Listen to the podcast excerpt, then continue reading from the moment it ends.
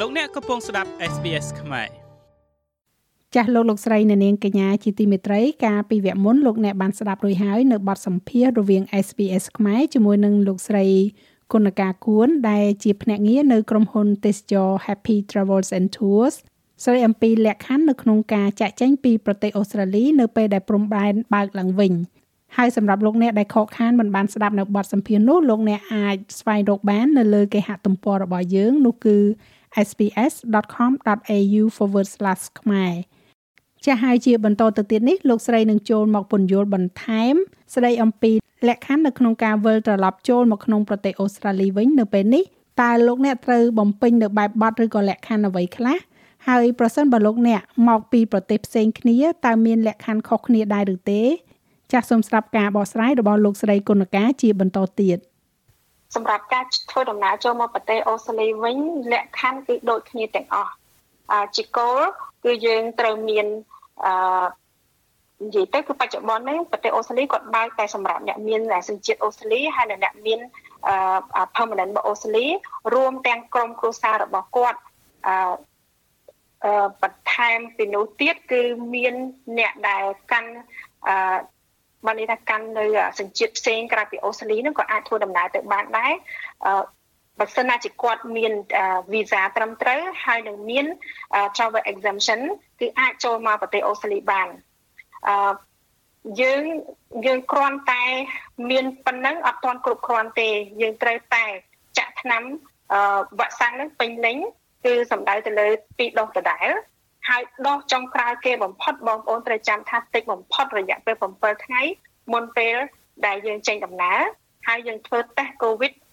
ដូចគ្នាដែរចន្លោះពី48ម៉ោងទៅ72ម៉ោងអាស្រ័យទៅទៅលើប្រភេទ airline ដែលបងប្អូនធ្វើដំណើរមកជាមួយ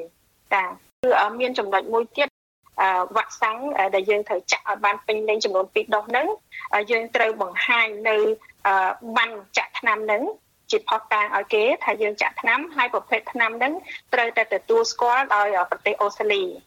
ចាហើយចំណុចទី2នោះដែលខ្ញុំបាននិយាយគឺយើងត្រូវធ្វើតេស្តហ្នឹងគឺបងប្អូនដឹងហើយប៉ុន្តែចំណុចចុងក្រោយមួយទៀតហ្នឹងដែលបងប្អូនដាច់ខាតត្រូវតែធ្វើសម្រាប់ពេលនេះនេះខ្ញុំសូមជម្រាបថាត្រូវតែធ្វើតែនៅថ្ងៃអនាគតតើមានទៀតឬក៏អត់នេះខ្ញុំមិនដឹងទេអាហ្នឹងគេហៅថា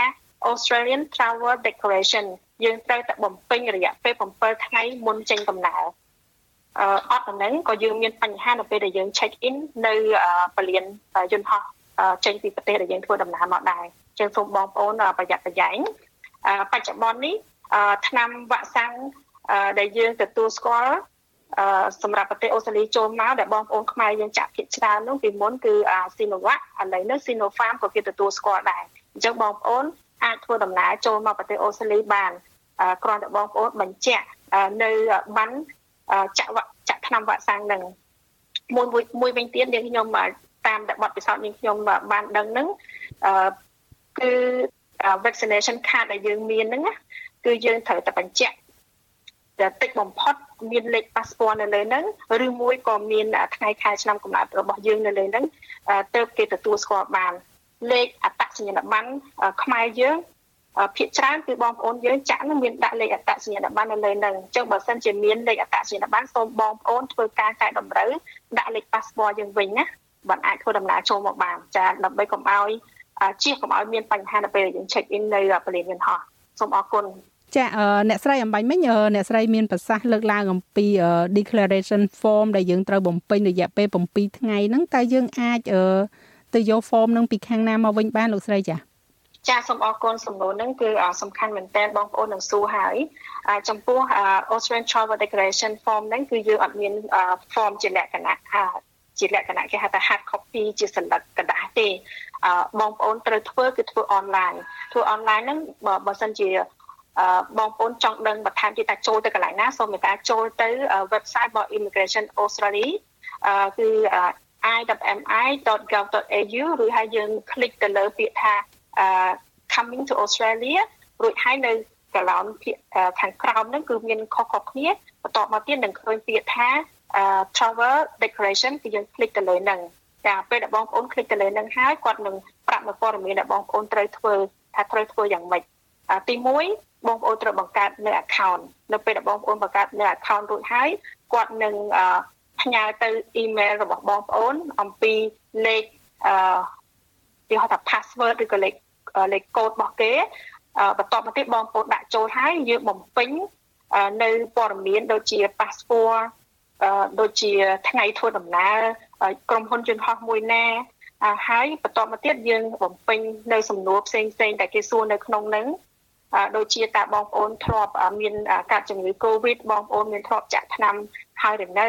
ហើយបងប្អូនមានពាក់ព័ន្ធជាមួយអ្នកជំងឺ Covid មុន14ថ្ងៃមុនធ្វើដំណើរ របៀបសំណួរអស់ហ្នឹងហើយបន្ទាប់មកទៀតបានបំពេញអស់ហើយបងប្អូនបងប្អូនណា click submit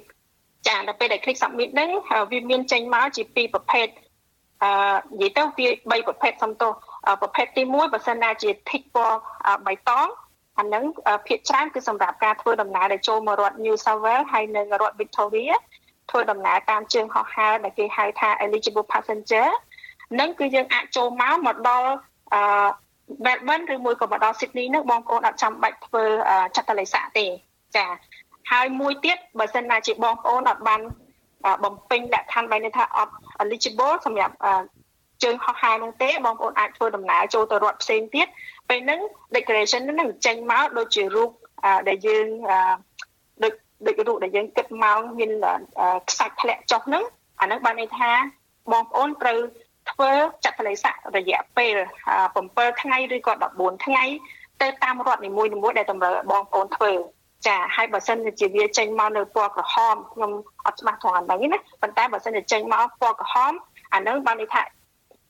airline ត្រូវគិតថាតើ